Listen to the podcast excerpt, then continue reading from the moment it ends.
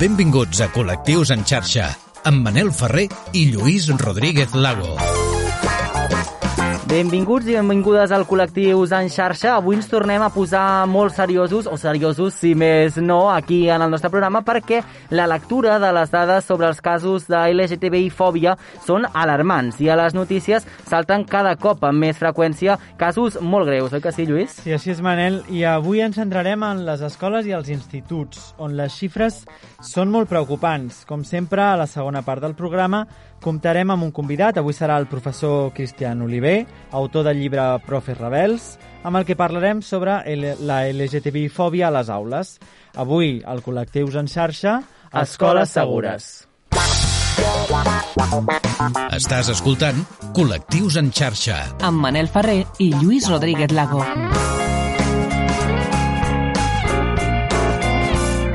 I el que és una dada en si, Lluís, és que cada cop anem més coordinats Això- a l'hora de dir el nom del programa. És una cosa que això ja ho poso al currículum gairebé Sí. hauríem de dir. A part d'això, fora bromes, avui recollim en aquesta part del programa Mhm. dades sobre l'estudi més recent de l'Observatori contra l'Homofòbia. Sí que diu que l'any 2019 es va produir un increment d'un ni més ni menys que un 41,6% en el nombre d'incidències registrades per aquesta entitat. I avui dia les persones que més denuncien eh, continuen sent els homes gais o bisexuals i que es troben entre els 26 i els 35 anys. Mm -hmm.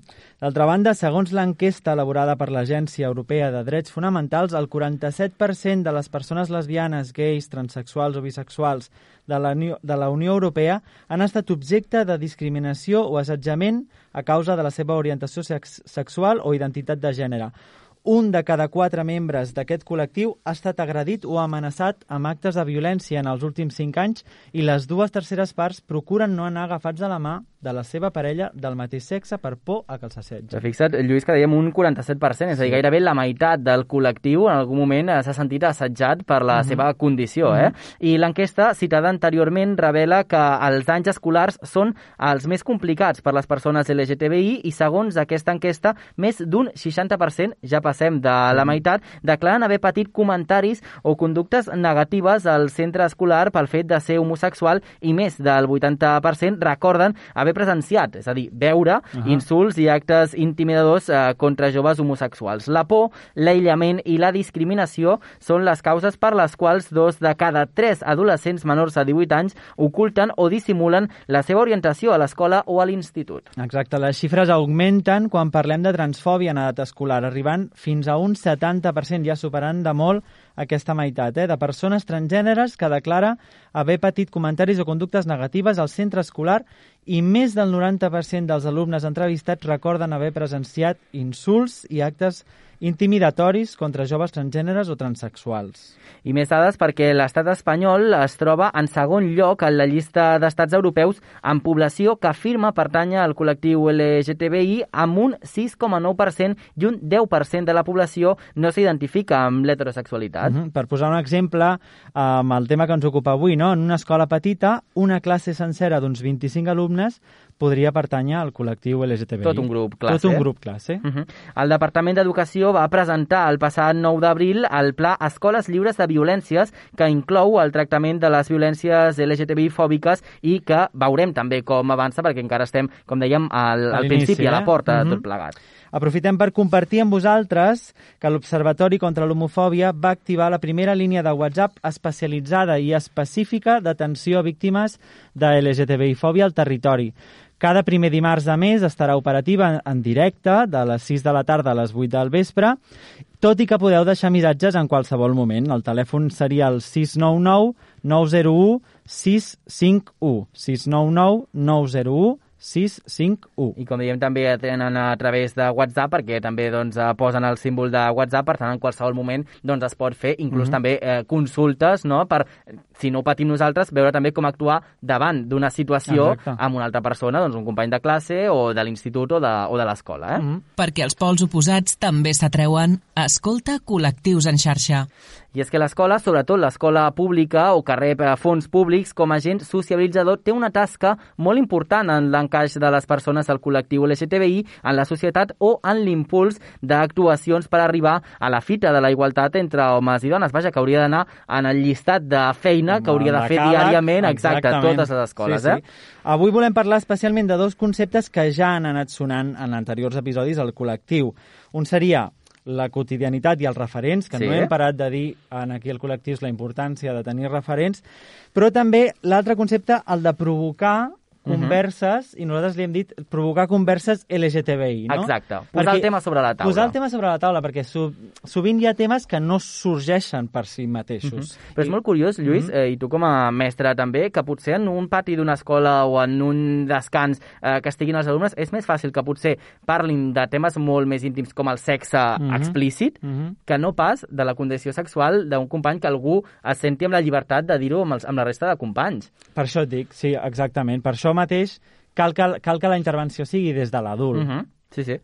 L'altre dia podíem llegir un article que deia no, que sovint l'únic àmbit de la vida en el que mestres i professors i professores tenim por de visibilitzar-nos és justament el laboral i el professional. Passa també amb altres feines i professions, evidentment, però en aquesta, uh -huh. que sovint som referents per nens i nenes i nois i noies que estan buscant el seu espai per ser, aquest fet no només no ajuda, sinó que és una molt bona oportunitat que es perd o es deixa passar.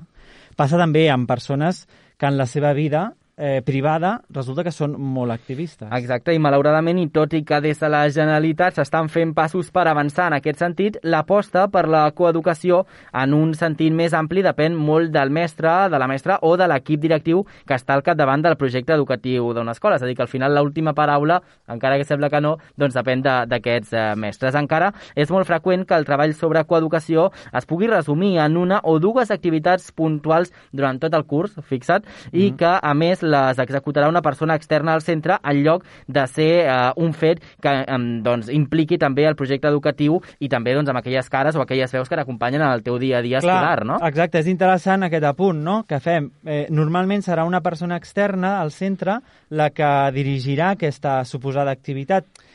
I això també la situa en un pla diferent, no? A l'escola el referent o la referent és el tutor o la tutora, Clar. parlo d'escoles, no? Quan parlar de gais, lesbianes i trans, no? Quan per, per parlar d'això fem servir una altra persona i, a més a més, com deies, no, de forma puntual i després la vida a l'aula segueix sense més... Sí, sí, doncs, inclús fora de l'aula, no? Anem Clar. a la biblioteca que anirem a una xerrada, o sigui, seria una, com una excepcionalitat, no?, A a, la situació, també, és que a vegades eh, et posa en una situació molt concreta, no sense voler-ho, el llenguatge que no es diu Exacte. et porta a pensar que és una activitat informació fora, també, exacte, tant, fora sí, sí. De, de, del que és habitual que podria comentar doncs, el teu tutor o tutora dins de la mateixa aula en el teu lloc de, de classe, no? Uh En un altre ordre de coses, les mestres o professores que es recolzen també totalment o majoritàriament en un llibre de text, no? passaran de llarg de tot el treball de representació, per exemple, del col·lectiu LGTBI, de coeducació o de dissidència efectiva, perquè són poquíssimes, Mhm. i això vamos, mm, Ho podria signar ho gairebé, podria signar, les editorials que tenen propostes relacionades amb, els, amb el col·lectiu LGTBI perquè, entre d'altres coses, moltes d'elles o tenen relació o directament pertanyen a l'Església. Uh -huh. Clar, si la mestra o, o la línia pedagògica d'aquella escola es recolza en una editorial Clar. que té aquesta vinculació, eh, aquí s'ha acabat. El tema és que és això. O, Sí, sí. o passa un dia que l'Ajuntament et proposa una cosa Uh -huh. o s'ha acabat, no? Hauran de ser, llavors, dèiem, les escoles, amb, el seu, amb els seus projectes singulars, les que afegeixin aquest plus i prioritzin uns continguts o uns altres quan concretin el currículum de la Generalitat. I aquest tema té la seva rellevància perquè, per exemple, estem dient que en tota una col·lecció de llibres, antologies de lectures, és possible que no trobem cap representació o cap eh, esment del col·lectiu LGTBI. Per exemple, a totes aquelles eh, lectures recomanades Allò. que es fan a l'escola, Mhm. no? aquella llista de llibres eh, interminables d'una pàgina sencera, no apareix cap tipus de referència. No? Però cap, eh? Ni cap personatge, referència. ni encara que sigui llegir entre línies. Mm. Impossible, no? Que a vegades parlàvem de Disney que semblava que Sí, ni això jo, apareix. mm, Costa molt, eh? M'ha Costa costat molt, molt de trobar costa això. molt. No? Això vol dir que tornem a invisibilitzar totalment la realitat del col·lectiu i si el centre no surt d'aquest treball amb aquest editorial i té un fons a la biblioteca de les aules o del mateix centre, els nens i les nenes no rebran cap eh, input relacionat amb el tema. Uh -huh. Aquest fet ens pot portar a pensar que a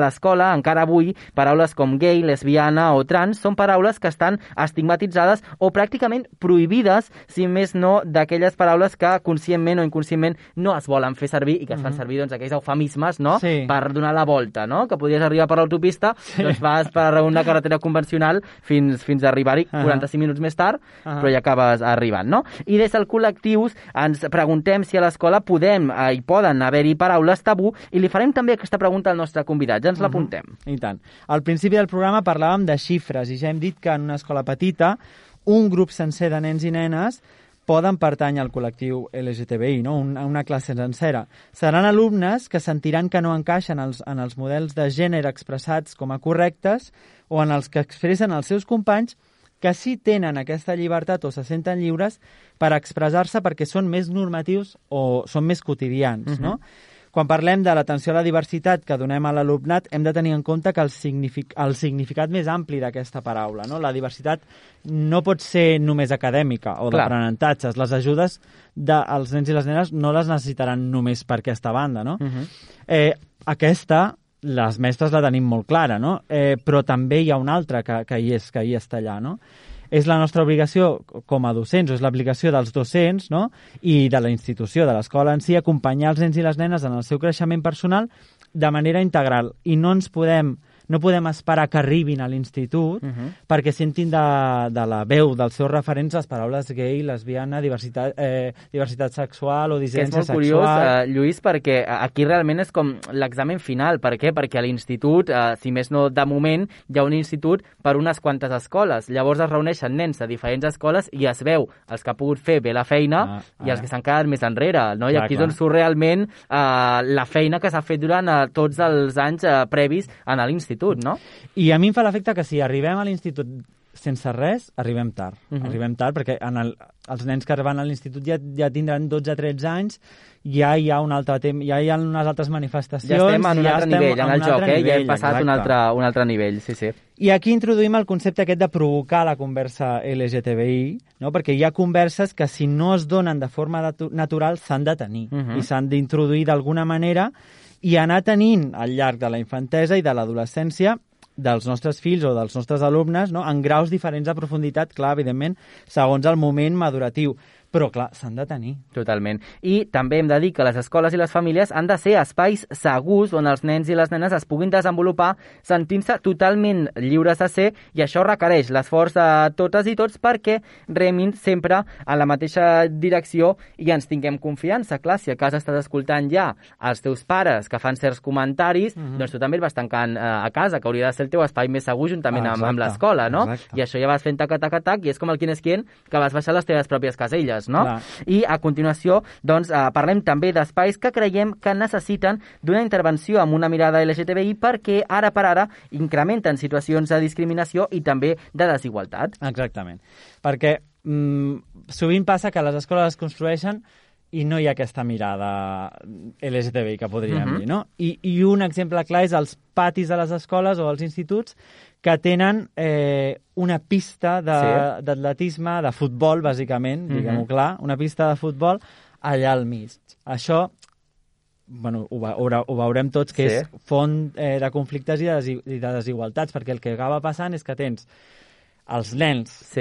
i parlo de nens, només Sí, nens, nens. masculins, a, a, ocupant un espai enorme i a més Mhm. central del, del lloc del pati Sí. i tots a la, tota la resta afinada en un altre lloc intentant Jugant a matar en un trobar... espai mini, no? Que jo recordo. Trobar, exacte, Sí, sí. exacte, jugant a matar o parlant. O a no? badminton, no? Clar. O sigui que al final són... Anem a una sala... Jo recordo això, és a dir, els nens tots anant a escollir a veure qui tocava primer la porteria Clar, per per- saber, per a, saber, a, a, a quin dels sí. seus bàndols anaven i jo em quedava allà al mig esperant, espero que pugui jugar a badminton avui o a matar, perquè clar, Clar. que no el professor a sobre pugui pensar que sóc un nenaza. No, no, això és així, això era Ja, una ja, ja, realitat, ja, eh? O ja, sigui sí, que al sí. final eh, també era això, els nens, el futbol, i les nenes eh, i el Manel a jugar a badminton. Això era Clar, així, eh? O sigui, clar. això va ser així no, i a més, de temps. a més passa que, que, clar, no juguen tots, No, no, no, perquè clar. a més no poden jugar Clar. tots, no?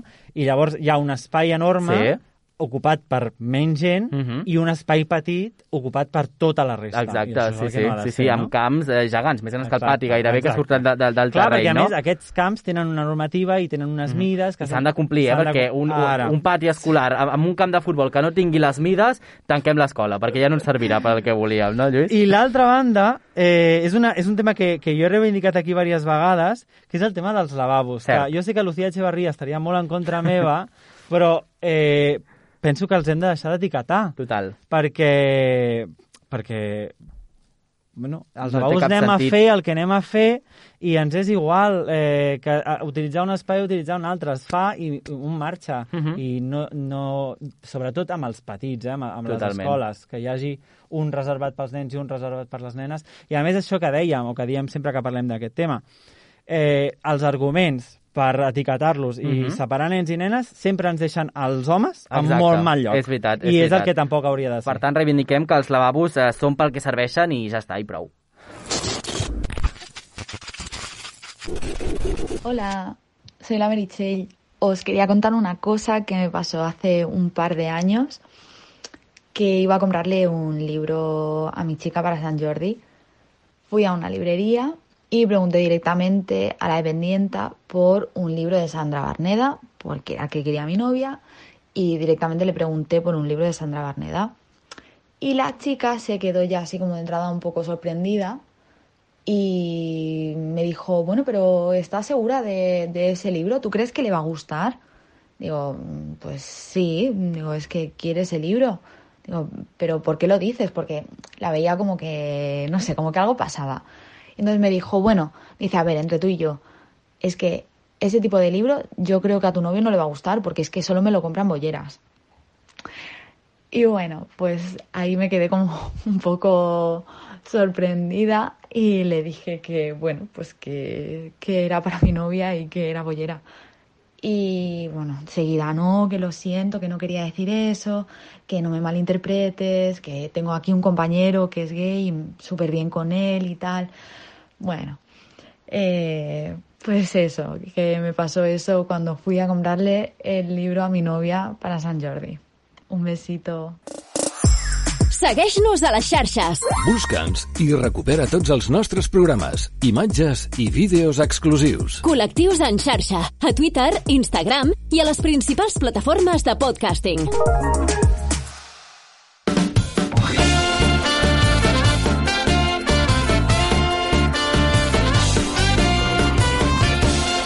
Manel, com, han, com Mare fem meva. servir aquest recurs de l'amigo gay, eh? Però és que Una és mica total, fàl, ja, però és que eh? jo no sé si sempre existeix, perquè al final Clar, clar, aquesta però- senyora que ve llibres, jo no sé si realment existia aquest company i el tenia amagat per algun lloc o obria una paret i apareixia l'amigo gay, no?, darrere d'alguna estanteria. És tremendo, però és que al final, amb quina poca consciència, perquè en aquell moment tens moltes probabilitats Clar. de que això et pugui passar. Sí. Sigui home o sigui dona. És a dir, que és fer una valoració massa kamikaze, no?, en aquell Anticipada. moment. Sí, sí. sí. Vinga, anem amb, anem amb el nostre convidat. Com anunciàvem a l'inici del programa, avui tenim la sort de tenir amb nosaltres en Cristian Oliver, professor d'Institut de Llengua i Literatura, llicenciat en Filologia Catalana i professor també del màster de formació del professorat de la Universitat Pompeu, Pompeu Fabra. Participa a la secció Reunió amb el tutor de la cadena SER de Catalunya i és autor dels llibres Profe Rebels i Una educació rebel. Cristian, benvingut al Col·lectius en xarxa i moltíssimes gràcies per ser amb nosaltres. Hola, què tal? Hola, què tal? Encantat d'estar aquí amb vosaltres i tant. Mira, comencem per saber mm, com creus tu que està l'estat de la qüestió una mica en relació a la feina que es fa des d'escoles i instituts. Tu penses que, que la coeducació o l'acció per l'eliminació de discriminacions eh, és un fet excepcional en el nostre sistema educatiu o, o cada cop està més estès? Què en penses d'això? Bueno, jo crec que encara cal moltíssima feina per fer. Vull dir, és un tema que eh, el veig a, la, a les aules molt viu, que, que fa l'efecte que els alumnes en volen parlar amb molta necessitat, volen naturalitzar-ho, i, i a vegades et diria que tenen més necessitat ells de, de tractar-lo amb naturalitat que els adults, no? A vegades els adults crec que posem una miqueta més de, de dificultats en aquest, en aquest sentit i jo intento, doncs, lluitar contra, contra aquestes pors que jo crec que van una mica acompanyades també en el món adult. Totalment. Eh, de fet, haig de dir que eh, jo vaig ser alumne del col·le on el Cristian és, és mestre. Sí, sí, sí, sí. sí. Uh, et volia preguntar, Cristian, uh, quin creus uh, que és uh, el que està, o, o, o l'ent que hi ha per sobre, uh, que està fent i està posant uh, pals a les rodes uh, perquè l'escola doncs, encara no siguin espais segurs, com comentàvem fa una estona, per als nens i per les nenes amb efectivitats uh, dissidents. És a dir, què passa perquè encara doncs, uh, no sentin l'escola com part de casa seva i del seu entorn segur? Mira, doncs jo crec que va una mica lligat amb... Saps el tema aquest dels famosos continguts, els coneixements? Jo Sí. crec que va una mica, desgraciadament, lligat a això, perquè a vegades es continua pensant que l'escola només hi va aprendre continguts, no? Només hi va aprendre matemàtiques, literatura, ciències, i no. A l'escola s'hi va ser millor persona, s'hi va estar com a casa, s'està a vegades, també diria, s'està a, a, a, a anar millor que a casa, fins i tot, perquè jo Mhm. trobo moltes vegades alumnes que senten que l'aula és un espai segur, o així haurien de sentir-se, en canvi potser a casa seva encara no, no acaben de trobar-se del tot, no? Per tant, jo crec que encara queda molta feina per fer perquè hi ha molta gent que continua pensant que els instituts, les escoles en general, els centres educatius, només són espais d'aprenentatge. En canvi, Clar. jo aposto més per, per uns es- espais socials, de, de socialització, de compartir experiències i, i sobretot de- d'intercanviar eh, visions i fomentar la tolerància. que segurament també, Cristian, és eh, fonamental la feina que puguin fer de manera coordinada els mestres, no, el sector educatiu amb els pares, no? perquè a vegades també parlàvem de les escoles, però a vegades també la casa del propi infant és també un niu de, de, de problemes i també de barreres no? per a aquesta persona. Absolutament. De fet, quan, quan parlem de- d'una educació que, que realment aposti per, per, per eh, aconseguir ciutadans crítics, eh, ciutadans respectuosos, tolerants, en definitiva, és una feina que ha d'anar eh, en conjunt amb l'escola i, la, i la família, si no, no té cap mena de sentit, no?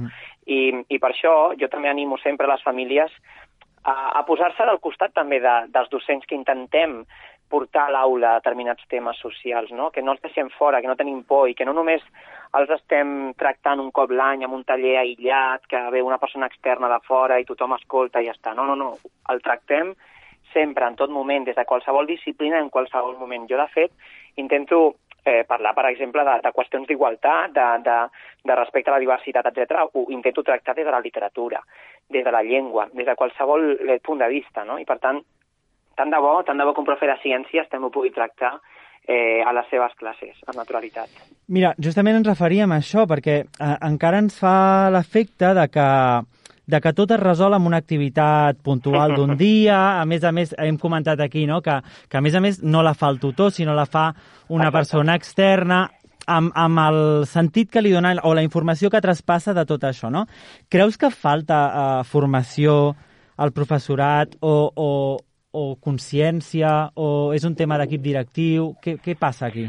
Jo crec que ha de ser un projecte d'escola, ha de ser realment que, que un equip directiu, un projecte de centre, en definitiva, tingui la voluntat de tractar eh, aquests temes eh, amb, i que formin part del currículum. No? Eh, jo crec que, tornant una miqueta al que deia abans, no només hi anem a aprendre continguts, hi anem a tractar tots aquests temes, anem a plantejar-nos el nostre entorn i a millorar-lo, no? si cal, i per tant, doncs no només s'han de reservar, que també, eh, no, no, no, no, les, eh, no les vull treure, però no només en tallers eh, fets a l'hora de tutoria, no? I com tu deies, amb una persona externa. No, no, evidentment, això és necessari, però s'ha de fer molt més. I en qualsevol moment, i fins i tot implicant també els alumnes, no? Eh, perquè moltes vegades això també ho veiem. Volem demanar-los que, que, no sé, volem imitar una miqueta el que seria la societat de- d'exterior, no? la, el, la societat democràtica exterior, després els demanem que estiguin allà en silenci i que no facin res. No?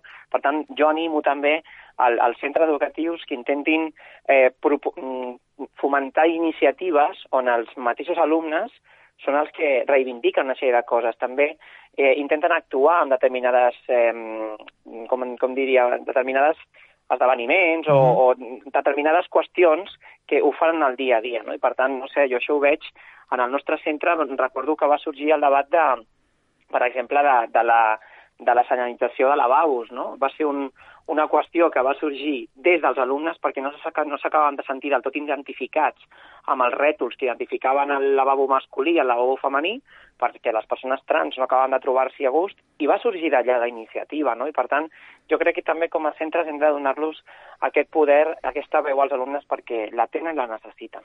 Clar, parlant d'aquesta veu, una altra pregunta que ens va molt bé fer-te ara és que si creus eh, que encara a l'escola hi ha paraules o temes tabú, no? Abans parlàvem que hi ha vegades que sembla que s'escull anar per una carretera convencional que agafar l'autopista i dir directament doncs, fer servir la paraula gay, lesbiana, transexual, uh -huh. és a dir, encara es treballen amb eufemismes a les aules? Mira, eh, jo crec que et, la resposta segurament eh, et diria que és depèn de la persona. Jo, jo intento tractar-los amb naturalitat perquè, a més a més, en el meu dia a dia formen part de, de, de la naturalitat amb, amb la que jo també actuo no? i amb, amb la que jo visc. Però sí que és veritat que encara, i això és una cosa que jo també, com a part del col·lectiu, a vegades a mi m'incomoda veure una persona que li, li fa com una certa vergonya o una certa por dir la paraula gay com si fos un insult, quan en realitat ni ho és, ni, ni ha de semblar-ho i, i tot el contrari, sinó justament, mira, ahir, ahir escoltava, estava mirant la televisió, un programa que feien a la Sexta i sortia la Mercedes Milà eh, que, que criticava que la mateixa Sexta estigués tallant eh, amb, un, amb una, una intervenció del Miguel Bosé que deia maricón i, i posaven una mena de xiulet, no? perquè no se sentís aquesta paraula. Clar, la, la defensa és que era en horari infantil i ella deia, ostres, és que si hem de tapar la paraula maricón i, i, o, o gay i, i no la podem dir en horari infantil és que tenim un gran problema, no? perquè no s'haurien d'amagar i, per tant, cal, per part de les, dels adults, per part dels, dels docents, doncs, eh, molt de coneixement i tampoc no tenir por, és que a vegades també jo crec que encara hi ha una miqueta de, de, de mania, no? De, de no voler ferir i de no voler ferir ens passem, ens passem de frenada, jo trobo. Mm. Abans has deixat anar un, un comentari no, que deies de, de ser valents per, per, per donar aquests, aquests continguts més transversals o que, o que, o que permeten treballar aquests temes. Nosaltres hem parlat del concepte de provocar la conversa LGTBI. Penses que és important fer entrar a propòsit aquest tipus de diversitat si no surt, si veus que no, que no està sortint. Tu, tu, tu has dit al principi eh, que moltes vegades penses que els alumnes són els que tenen aquesta necessitat. Sí. Però potser les escoles eh, creus que és important fer entrar aquesta diversitat si no surt? Sí, sí, sí, ho hem de fer, però amb naturalitat, tampoc no sense imposar. És a dir, per exemple, a l'hora de triar una sèrie de lectures, que tot, tots, tots els alumnes han de llegir una sèrie de lectures obligatòries cada curs, doncs nosaltres també podem fer una feina prèvia d'intentar trobar uns títols que tractin aquests temes i que ens puguin donar un joc per fer una reflexió a classe, per fer un, un debat, un comentari, una activitat relacionada sobre, sobre, sobre això, no sé, o fins i tot anar caminant pels passadissos i sentir un comentari que no toca i arribar a classe i encara que no hagi sigut amb aquell grup, dir, mira, acaba de passar això, acabo de sentir això, què en penseu, no? És una cosa que faig molt sovint, no? Vas caminant pels passadissos i també una cosa que observo és que s'ha tornat a posar de moda la paraula maricón mm. com, com un insult, no? Cosa que jo pensava que estava superadíssim i, i, i ha tornat. Doncs la vaig sentir l'altre dia i el primer que vaig fer va ser arribar a una classe i dir, mira, m'acaba de passar això, què en penseu? I d'allà va sortir un debat i moltes qüestions i alguns també que sortien de l'armari amb una reivindicació absoluta, no? Mm -hmm. Doncs és per això eh, celebrarem inclús això, eh? Cristian, moltes gràcies per haver estat amb nosaltres aquesta estona i ajudar-nos també a fer una mica més uh, aquest dibuix en el món escolar. Moltes gràcies. Moltes gràcies, Cristian. Gràcies a vosaltres, adeu. Que vagi molt bé, entre bones conclusions avui, Lluís. Uh, un tema seriós, contundent, ja passa això de tant en quant, sí. toca, toca. Sí, sí. Uh, però acabarem amb música, que això acabarem sempre relaxa, música, eh? Exacte i amb un bon missatge, no? Molt bé. Eh, perquè hi ha moltes, moltes cançons que reivindiquen l'amistat, però avui portem eh, la d'una banda irlandesa que va ser molt popular a finals dels anys 90, principis del 2000. El jovent que ens escolti no sé si la coneixerà, per sí. això també l'he portat. I estem parlant de The Course, i és que els germans Cors ens van regalar aquest At Your Side, que parla d'amistat, i de recolzar els amics quan les coses no acaben d'anar bé. Molt bé, doncs amb això acabarem, com sempre, l'edició d'especial i tècnica al Carles Soler i en aquesta coedició i presentació al Lluís Rodríguez Lago i jo mateix que us parlava, Manel Ferrer. Ens retrobem la propera setmana a la vostra ràdio local. Adeu. Adeu.